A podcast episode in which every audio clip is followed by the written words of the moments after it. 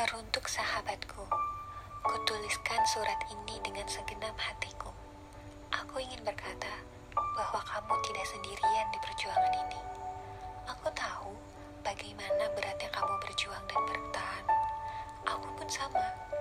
Tapi ingatlah bahwa Allah berkata, maka sesungguhnya bersama kesulitan itu ada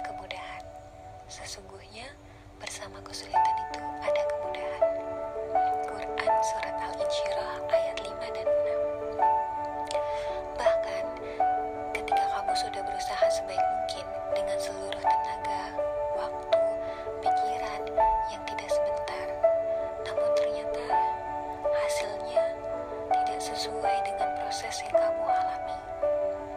Janganlah kamu bersedih. Boleh jadi kamu membenci sesuatu padahal ia amat sangat baik bagimu. Dan boleh jadi pula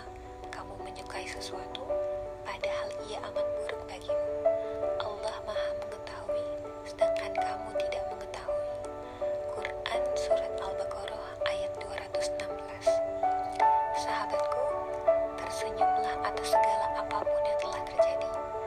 Bersyukurlah untuk segala ketetapan yang telah ia berikan, karena apa pun yang kita minta belum tentu yang terbaik bagi kita.